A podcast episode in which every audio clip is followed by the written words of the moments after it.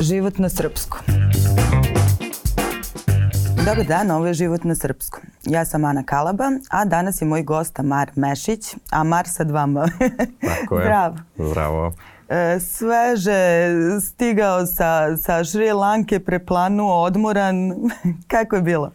Pa bilo je jako uzbudljivo, a, lepo, potpuno ne, nešto novo, neka druga dimenzija, novi ljudi, nova iskustva, nova kultura, nešto što sa čim se zapravo do sad nisam susreo. Um, tako da definitivno jedno od najlepših putovanja koje ću ono, za života pamtiti. Bili smo 15 dana.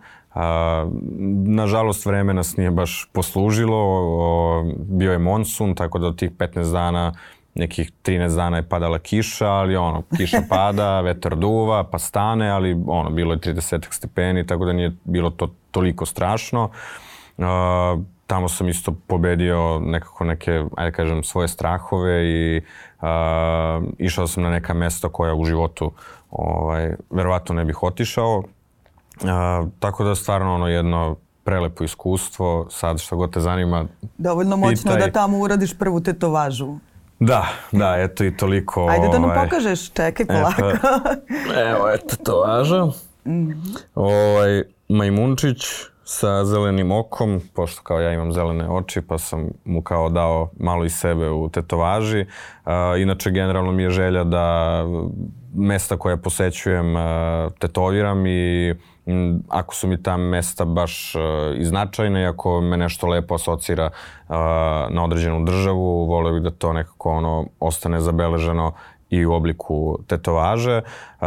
Tako da sam se eto odlučio za majmuna iz prostog razloga što u gradu uh, Kennedy uh, na Šrilanci, ne Kennedy nego Candy, uh, majmuni najnormalnije šetaju gradom.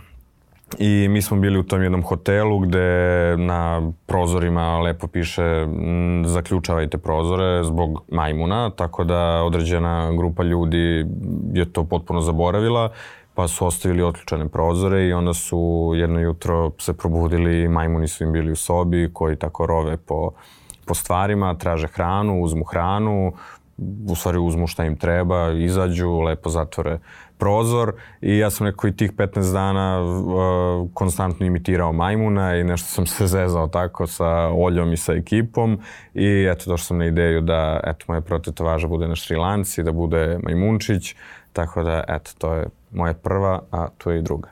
A tu je druga, druga da. su egipatske druga piramide. Druga je, da, egipatske piramide, isto sa putovanja uh, u Egipat. Bio sam sa Racom, Milicom i sa najboljim drugom u avgustu mesecu i jedna od životnih želja mi je bila da vidim piramide i zaista kad sam video to čudesno ovaj, izdanje i stvarno cela ta energija koja se oseti kada si tamo, a, baš se onako nekako probudio taj dečak u meni koji je ceo svoj život želeo da, da vidi piramide i kako to sve izgleda. A, nažalost nisam je uradio u Egiptu, uradio sam je u Beogradu pre nekih 5-6 dana, ali eto, otprilike to mi je negde... Šta je sledeće? Sledeće, pa ne znam, vidjet ćemo. sledeće gde putujem, to je Zanzibar. E sad, da li ću tamo možda nešto tetovirati ili ne, to ću vidjeti. Dakle, ne razmišljam o tome da ja sad to moram ili sad imam neku preteranu želju, nego zaista ako osetim da ja to želim i ako me nešto baš lepo asocira na tu državu ili na taj grad ili, ili na taj period, uh, vole bih da bude tu, tu negde uh, na meni. Naravno, ono, i zbog posla ne bih voleo da sad to bude toliko i primetno, tako da bih voleo na ta neka, da kažem, skrivena mesta da napravim neke svoje uspomene za ceo život. Kad smo kod posla, ajde sad da e, sad ti pred, predstoji ponovo velika snimanja, ali ja bih voljela da se osvrnemo malo na Game of Thrones. Tad je tvoje ime onako e, odjeknulo Srbijom. E, šta je bilo posle? Da li ti je to otvorilo neka vrata? E, kakvo je to iskustvo bilo i kako je tebe promenilo? Pa čini mi se da u tom periodu, sad se ne sjećam tačno, to je neka 2016-17 godina, da je više odjeknuo zapravo moj status na Facebooku nego uh, moja uloga statiranje u Igri prestola. A, tako da nekako ceo taj period i oko Igre prestola zapravo pamtim po tom mom statusu koji sam uh, kasnije napisao. Uh, da, eto, Igra prestola, uh, bukvalno je ono statiranje sa, sa zadatkom i ja nikad nešto u životu niti imam potrebu da se hvalim nečim, nego to je prosto za mene. To je moj posao, otišao sam da radim, uradio sam, vratio sam se i to je cela priča. A, naravno da mi je čast i zadovoljstvo što sam bar na kratko bio deo te ekipe i najgledanije serije ikada. A, bio sam u Dubrovniku 5-6 dana, snimao sam scene kada kraljicu Cersei, a, kada ona ide kao put srama, pa je mi gađamo paradajzom. Da, to je baš ta scena. Da, gde ona šeta naga. A, još par nekih scena, čak sam imao i dve, tri replike, imao sam čak i krupne kadrove, međutim u to kasnije u postprodukcije nažalost izbačeno i nekako ono što kažem, stvarno sam to radio ne da bih se nešto hvalio, nego prosto da bih video kako to zaista funkcionišu velike produkcijske kuće kao što je HBO produkcija i uvek se nekako šalim sa tim da imam ugovor sa HBO-om, eno mi ga kod kuće ono kao za, za uspomenu. Nisu tu ni velike pare, niti sam stvarno radio nešto zbog para i zbog ne znam nije čega, samo isključivo zbog nekog svog iskustva.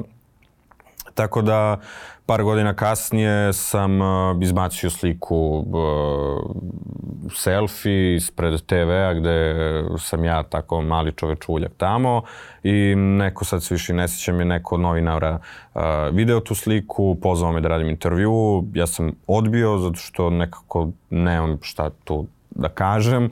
A, međutim, onda su počeli drugi novinari, drugi novinari i onda sa drugom koji je novinar. Uh, on me posavetovao kao budalo jedna, uh, neko bi ono sve dao samo da priča i da priča, da priča, ti kao sediš i ćutiš, ne radiš apsolutno ništa, kao ajde malo kreni da se boriš za sebe i da prosto daš sebi da izađeš malo iz zone komfora i da daš intervju i da ljudima preneseš ono što si video.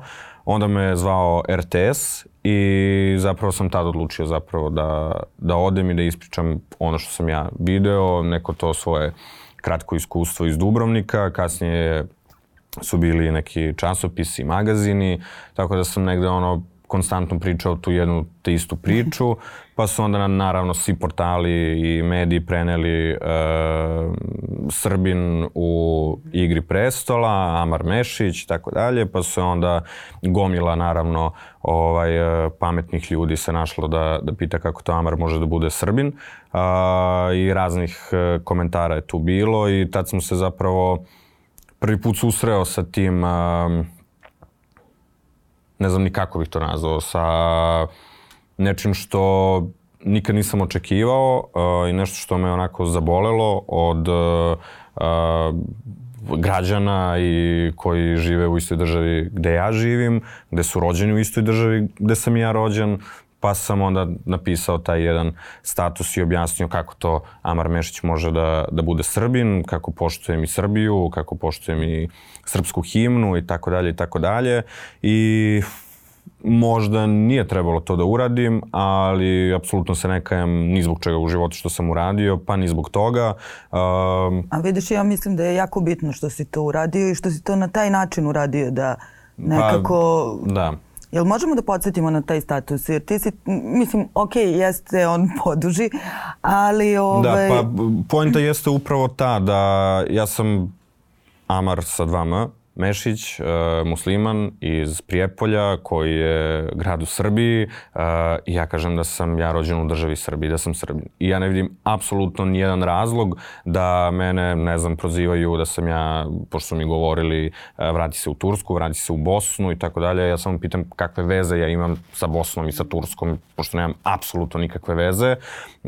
Potičem iz e, mešovite porodice, gde mi je baba i a, sa njene strane su pravoslavci, sa tatine su mi muslimani a, i nikad u životu nisam imao nikakav problem, niti su moji imali problem, niti su mm -hmm. baba i deda imali problem i to pre, ne znam, 50 godina, a ne sad u 21. veku da ja imam problem sa tim, mislim, naravno tu su i ratovi i svega što se, što se izdešavalo, ali ja imam ljudi ono dosta više pustite me da, da živim svoj život, vi živite svoj život. Uh, I nekako, eto, to je, to je otprilike bilo u tom statusu gde sam ja objasnio ko sam, šta sam, odakle sam, odakle potičem, uh, koje su moje vrednosti, a koje su tvoje vrednosti, ako tako razmišljaš. Uh, pa, eto, nadam se da sam barem nekome malo nešto ovaj, u životu objasnio kako, kako stvari funkcionišu. I malo pomerio neke granice jer stvarno u pa, poslednje vreme... Pa nadam mm? se, da, zato što Mislim, ja generalno i ne volim nešto da, da pričam o tome, ni da se uh, mešam sad u politiku i da se mešam u bošnjake i da se mešam u uh, sanđaklije i tako dalje. Mislim, ja znam i ko sam, znam i šta sam. Uh, Tako da me to odjednom je tu više pričamo o eka, i ekavicu, ne, ne pričamo o ekavicu. Ja ceo svoj život pričam ekavicu. Uh, u Prijepolju i pravoslavac i musliman kažu bijelo mlijeko ili belo mlijeko, džesi, džesi bolan majci. Tako da, a sad je odjednom se potenciran na tome, na toj ekavici, na toj ekavici, na tim. Pustite bre ljudi da živimo ono, da priča kako god ko hoće sad je odjednom to nešto mnogo pametnih ljudi, mnogo obrazovanih ljudi koji kažu, uh, pošto na papiru piše ne razumem, uh, on kaže, ali ja ovo ne razumijem. Pa jesi glup. Mislim, ne, da. ne razumem te. Tako da o, to je baš onako jedna posebna sorta ljudi koje apsolutno niti želim da se da komentarišem, ni da se bavim mm. time. Uh, poštojem svoje društvo uh, koje je potpuno mešano, dakle i pravoslavaca i muslimana i katolika i jevreje nemam u društvu, ali nekako svi smo tu i svi se i volimo i poštujemo i slavimo i Božiće, slavimo i Bajrame i Ramazan i katolički Božić, apsolutno sve i zar to nije ono sreća u životu i poenta i prijateljstva i nekih ono vrednosti, pravih, pravih, pravih vrednosti. Tako da eto, to je otprilike negde sve se to ovaj, našlo u tom statusu koji sam ja objavio pre par godina. A kako je, kako je izgledalo odrastanje u Prijepolju u mešovitoj porodici Savršeno. gde se... Hm? Savršeno. Ja kažem da sam ja imao stvarno prelepo iskustvo, uh, ne prelepo iskustvo, nego prelepo detinstvo uh, sa roditeljima, sa bakama, sa dekama, uh, sa braćom, imam dvojicu mlađe braće, uh, Deni je u Sarajevu i on je isto glumac, uh, Dino je u Nemačkoj, uh, tako da ono, tri brata, tri različite države i zaista smo sva trojica imali predivno iskustvo, Uh, sada da kažem da nam se nešto, da smo imali sve što smo poželjeli, naravno da nismo, jer U Srbiji ste. U Srbiji smo. Uh, a sa druge strane, iz ove perspektive, pa to mi nije trebalo. Uh, tako da mislim da samo, ne samo ja, nego i nas trojica uh, zapravo dobili baš ono što treba dete da dobije od svakog roditelja. Um, tako da kažemo, stvarno lepo iskustvo, lepo detinstvo, lepo odrastanje, kvalitetno odrastanje, uh, uz Branka Kockicu, uz uh, Minju Subotu, uh, Dina Merlina, Kemala Montena i tako ovaj, neke ljude koje smo slušali i pratili. Uh, naravno tu su bila i zimovanja, bile su i ponekad i letovanja. Um, nekako je bilo baš normalno odrastanje. U moje vreme, tada dok sam bio klinac, nije bilo mobilnih telefona, možda i bilo, ali mi ih mhm. nismo imali. Uh, tako da smo se ono stvarno igrali na ulici, kad je zima smo se sankali, išli da skijamo da. na planinu Jabuku. Um, zatim ja sam i dan danas mogu da kažem da sam deo uh, izviđačkog odreda Boško Buha iz Prijepolja, tako da smo, cela porodica je zapravo u, u izviđačima i nekako sam od malena u tome i naučio sam i da preživim u šumi i da prespavam pod šatorom i da jedem nedelju dana pasulj i kupus uh, i da perem sudove i da raspremim svoj krevet i da spremim i da raspremim. Tako da nekako baš onako detinstvo koje verovatno svaki, svaki čovjek može da poželi. Ti si rano počeo i glumom da se baviš? I vidim da se i sad vraćaš u Prijepolje i sa ne, u okviru nekih akcija. Da. E... Pa ja sam, uh, ajde ako o glumi, ceo život sam u glumi, od vrtića, osnovne škole, ali nekako ozbiljnije, ajde da kažem, od srednje škole i amaterskog pozorišta u Prijepolju. Mm, nisam želeo da se bavim glumom, to mi nije bio prvi poziv. A šta je bilo? Uh, učiteljski fakultet. Ozbiljno? Da, uh, ili učiteljski ili srpski jezik i književnost, pa sad šta bi bilo da sam ostao u Prijepolju još dve godine video bih, uh, ali eto nekako igrom sudbine naravno uh, se desilo to da uh, Tanja Jovanović, glumica iz Užičkog narodnog pozorišta, je spremala dve predstave u Prijepolju, dve godine zaredom. Prva je bila Pipi duga čarapa, a druga je bila Torta sa pet spratova. Ja sam igrao u obe predstave a, i sledeće godine, to jest kad je bila Torta sa pet spratova, me je pitala da me sprema za fakultet dramskih umetnosti. Ja, dete od 15 godina, 16, apsolutno nemam pojma ni šta je fakultet, ni šta predstavlja fakultet. U mojoj glavi je bilo, ja, ja ću da budem poznat, ja ću se bavim glumom, ja ću ovo, ja ću ono. Važi, ajde, spremali se. Pokušao sam FDU u Beogradu, nisam upisao, pokušao sam u Nišu, upisao sam, niko nije očekivao, pa ni ja. Tako da sam sa 16 godina a, se preselio za Niš. I u Nišu kako je bilo? I u Nišu je bilo uh, turbulentno te četiri godine studiranja, gde to posle prve godine faksa sam već hteo da odustanem od glume. Što? Jer pa tu je bilo svakakvih nekih, uh, ajde kažem, problema u smislu uh, i sa kolegama jer je bila velika razlika u godinama. Uh, oni su bili koje 83. četvrto, 5. 6. ja sam 91. Uh, tako da bilo i toga, onda naravno moj mentor Irfan Mensur koji onako me muški baš driblao da, da izrastem kasnije u tog, uh, aj kažem, normalnu, normalnu osobu gde me nekako uh, pratio je i moj razvoj uh, i glumački i tako dalje, pa je onako bio i, i strog prema meni, pa me iz, i izbacivao sa uh, časova i tako dalje, ali nekako sad uh, kad gledam tu situaciju mu se zahvaljujem i kažem mu hvala. Tako da je Irfan Mensur jedan veliki čovek, jedan veliki glumac i osoba koja je mene naučila da volim glumu i da radim posao kojim se dalje bavim. Tako da je tu, ajde da kažem, svaki tih problema bilo, ali hvala Bogu da sve se to nekako, o, sve to nekako prošlo. Uspeo sam i naravno uz razgovore i sa prijateljima i sa roditeljima. A, 2012. godine sam diplomirao u Narodnom pozorištu u Nišu sa predstavom Maslačak i retard po tekstu Mladena Popovića.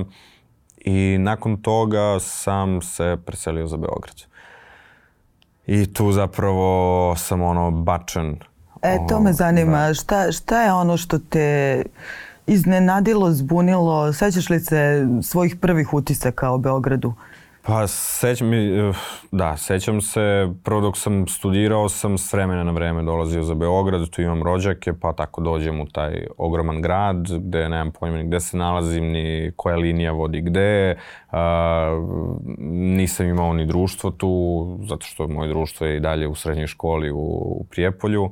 A, ali eto, 2012. godine sam se preselio, živeo sam tada u Rakovici, i sećam se 42 ide do, do Rakovice i posljednja 42 iz grada Kamenije u 20 do, do 10, bila tad.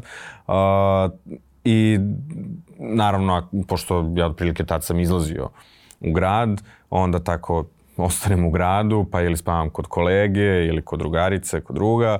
Uh, I generalno taj početak, ta 2012. godina, odnosno kraj 2012. i cela 2013. godina, je za mene bila uh, borba, ali baš onako, jer sam očekivao da posle faksa ću ja da radim. Mm -hmm. I da Beograd i serije i filmovi čekaju samo mene. Nažalost nije tako, nego sam shvatio da zapravo ima 150 glumaca godišnje koji, koji izađu sa, sa završenim fakultetom i da ja sad moram da se izborim u tih godišnje 150.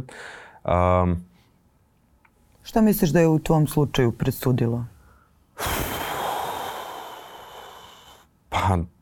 ja ne znam što je presudilo, verovatno a, je presudilo i fizički izgled, ali ono što je glavno to je da se ja nikad nisam predao i da sam se konstantno borio.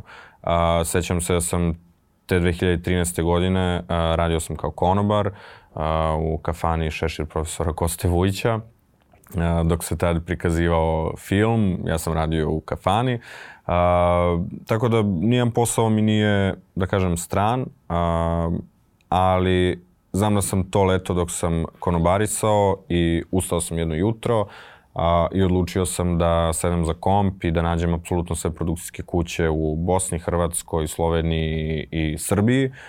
Ne znam koliko mailova sam a, našao i na toliko mailova sam poslao a, svoj CV, svoje fotografije u, eto, nadi da ću da će me mhm. pozvati na casting, um, što se zapravo i desilo. Uh, od tih, ne znam, 100 mailova, mene su zvali na dva castinga uh, i tad sam zapravo dobio reklamu jednu za mm, Hrvatsku, za neku privatnu školu, pa sam otišao bio u Zagreb. Um, tako da nekako konstantno sam se borio i konstantno sam slao i konstantno sam uh, se javljao ljudima u smislu nemojte me zaboraviti, da li ima nešto novo, da li će biti uskoro neki casting. Naravno nisam ja to radio svaki dan, ali jednom u 2, 3, 4, 5, 6 meseci se javim, ovaj, pošaljem ili poruku ili mail i neko je to tako sve spontano krenulo. Uh, naravno tu su i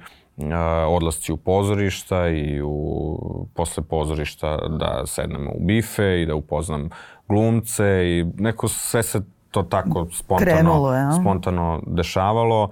E, i onda sam lagano počeo da dobijam epizodne uloge, e, gde bukvalno epizoda dve, tri, e, pa je onda krenulo nešto i ozbiljnije, pa je onda krenulo i pozorište, pa sam radio i neke svoje a, privatne predstave, pa smo išli gostovali, to su mahom bile dečije predstave, ali nekako nisam želeo nijednog trenutka da prestanem da se bavim glumom i da a, kažem to je kraj, nema mesta za mene ovde, nego je konstantno to bilo ovaj, neka borba i dalje je borba a, i ono, znam i kako je živeti uh, i sa 10 dinara i sa 100 dinara i za 1000 i 100.000 i uh, ali nekako apsolutno me ništa od toga nije promenilo i mislim da sve to što sam sad i što me, ja kažem, ova popularnost koja je donela serija Igra sudbine me nije promenila, to je baš zbog toga što, zahvaljujući i odrastanju i roditeljima a, i mentoru Irfanu Mensuru i generalno mom odabiru društva a, i a, prijatelja sa kojima želim da se družim i na koja mesta da izlazim i tako dalje. Tako da ceo, ajde da kažem, ovaj put je borba i nekako kad me i ovi mlađi pitaju pa kako ćemo, pa šta ćemo, ja nemam savet ni jedan, ja kažem svoje iskustvo, kako sam ja, mm -hmm. pa sad možda se nekome posreći, možda nekome ne, ali kao što sam rekao, bio sam i konobar i radio sam i u call centru i delio letke po Knez Mihajlovoj. Koji je najgori posao koji si radio za pa, tebe? najgori. Nijedan mi nije najgori. Bilo je napornijih i najteži. nenapornijih. Najteži mi je bilo Uh, mislim to konobarisanje ide, uh, jer nikad ne znam kad ću da dođem kući, um, kad radim drugu smenu to je do 1, 2, 3, 4 ujutru, sve zavisi od, od ljudi, a ajde da kažem da mi je nekako najzanimljiviji posao bio call center, zato što nekako ljudima glumac sam i ljudima treba da prodam nešto i sad treba da, da ih ubedim da njima to zaista treba. Tako da mi je to bilo onako Uh, zanimljivo gde sam i ono menjao i dijalekte, pošto to apsolutno smeš da radiš. Ovaj menjao i dijalekte i imena i tako dalje i onda mi je to bilo zanimljivo i to mi je baš išlo od ruke i nekako sam prodavao ljudima ovaj uh, stvari. Uh, tako da eto, svaki posao je potpuno normalan posao. A meni se svidelo u nekom momentu kad si ti baš dosta reklame snimao, pa su te nešto prozvali na tu temu, ono, E, šta, mislim da si dosta onako lepo postavio stvari. Ok, to radim, ali nije to sve što ja radim, niti sve što planiram da, da radim. Da, pa u jednom momentu stvarno sam radio ja ne znam koliko reklama sam uradio za... A misliš da to negde reputaciju glumca, ono... Uh... Pa, mladog glumca možda. Uh -huh. uh, da sam, ne znam, neko stariji, sad ne znam da sam A imaš mnogo starih glumaca, glumaca ozbiljnih koji, glumaca koji da, se... ali aha. koji isto iza sebe imaju ozbiljnu karijeru i ozbiljne i filmove i serije, uh, pa im se može. Uh -huh. uh, tako da u jednom momentu ja sam radio baš dosta reklama uh, za razne uh, proizvode i firme. Uh, I onda sam u jednom momentu rekao da neću to da radim iz prostog razloga što nisam reklama boj, nego sam glumac. Uh, I da želim da igram u pozorištu, želim da radim filmove, želim da radim serije. Pa je onda tako tu bio jedan period gde apsolutno ništa nisam radio i uh, što se tiče naravno glumačkog poziva.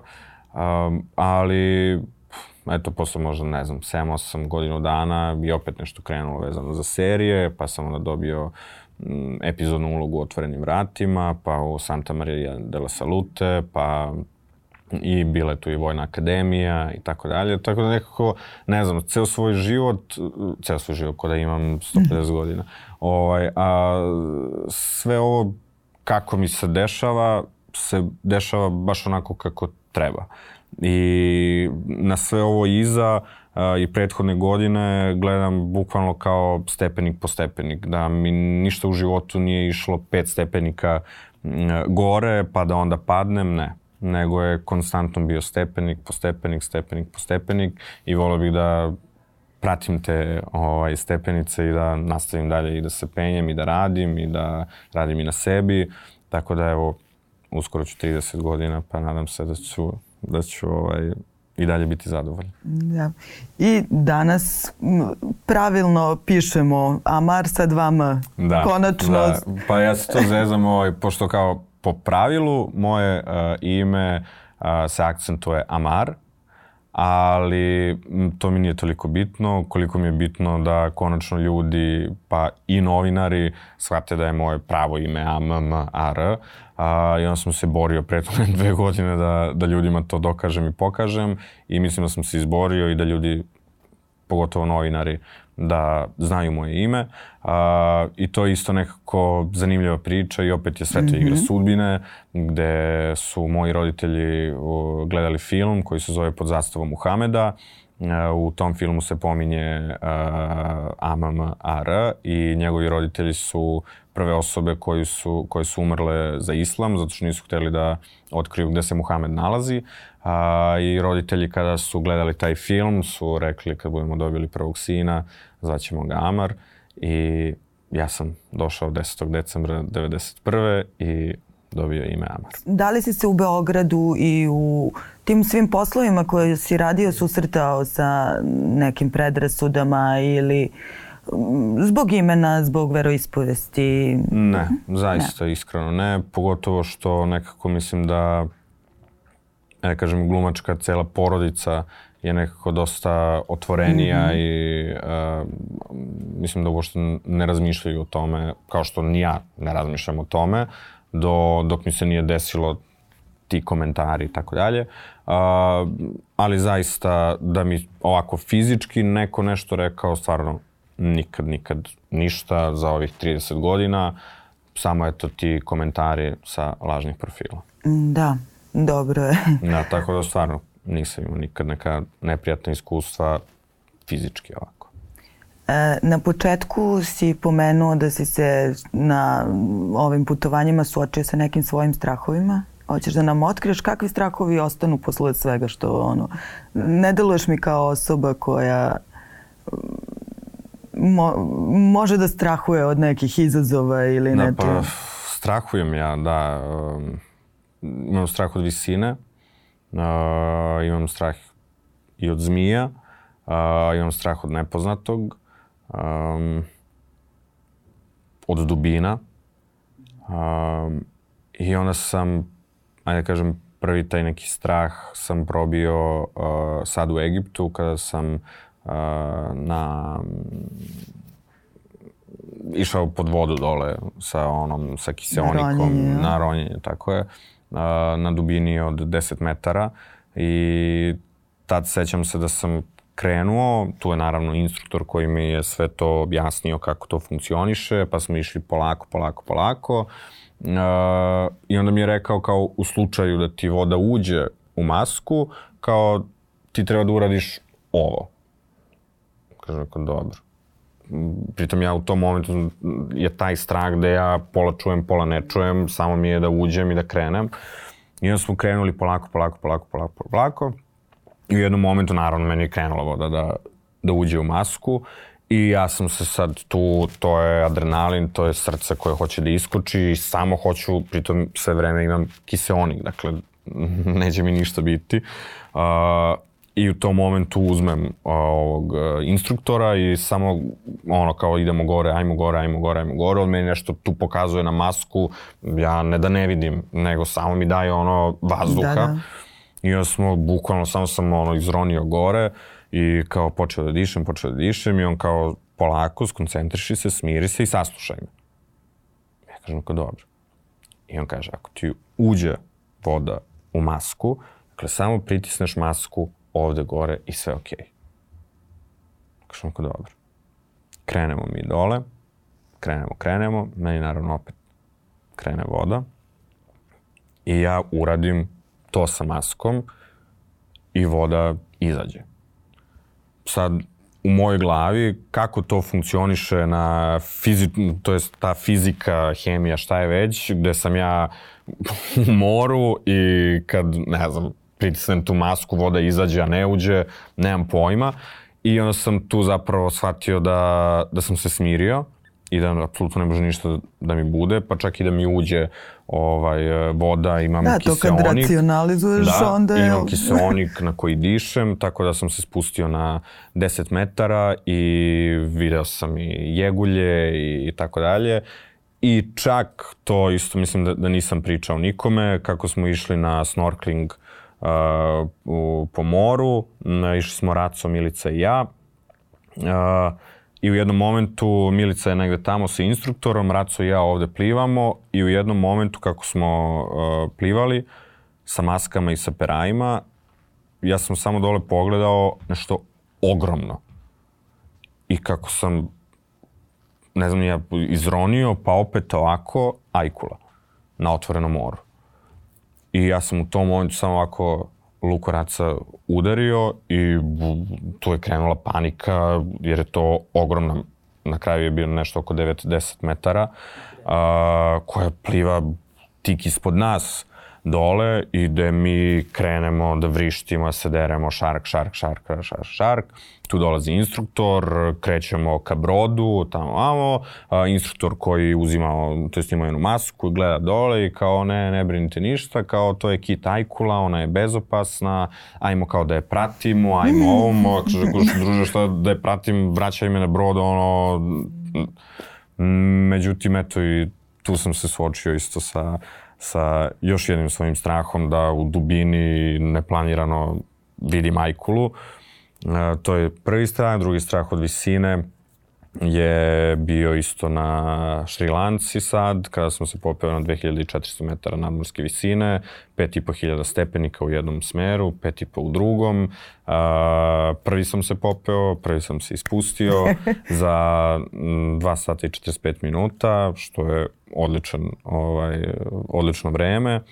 Uh, I nekako mislim da sam poslednjih godinu dana uh, zahvaljujući putovanjima i nekim novim iskustvima dosta i sazreo kao osoba i jedan je život i hoću da se i suočim sa tim svojim strahovima i da vidim dokle oni to mene mogu da, da vode i da me nose i šta je zapravo taj strah. Šta je zapravo taj strah kad verovatno ne može ništa da ti se desi. Uh, I onda sam nekako eto malo odlučio da u mojoj glavi rizikujem, um, pa vidjet ćemo šta će biti sledeće. E, šta, šta je sledeći profesionalni izazov? profesionalni izazov za sad ne znam. E, imao sam u planu da radim jednu predstavu sa kolegama, međutim, um, zato što nastavljamo igru sudbine 14. decembra, nažalost nemamo vremena, snimat ćemo novih 165 epizoda, narednih 6, 7, 8 meseci. E, tako da smo zauzeti pet dana nedeljno, dva dana imamo slobodno, po 12 sati snimamo, ali sam siguran da nakon toga sledi nešto novo. Jedva čekam da vidim. Hvala ti. Nadam se. Hvala tebi puno.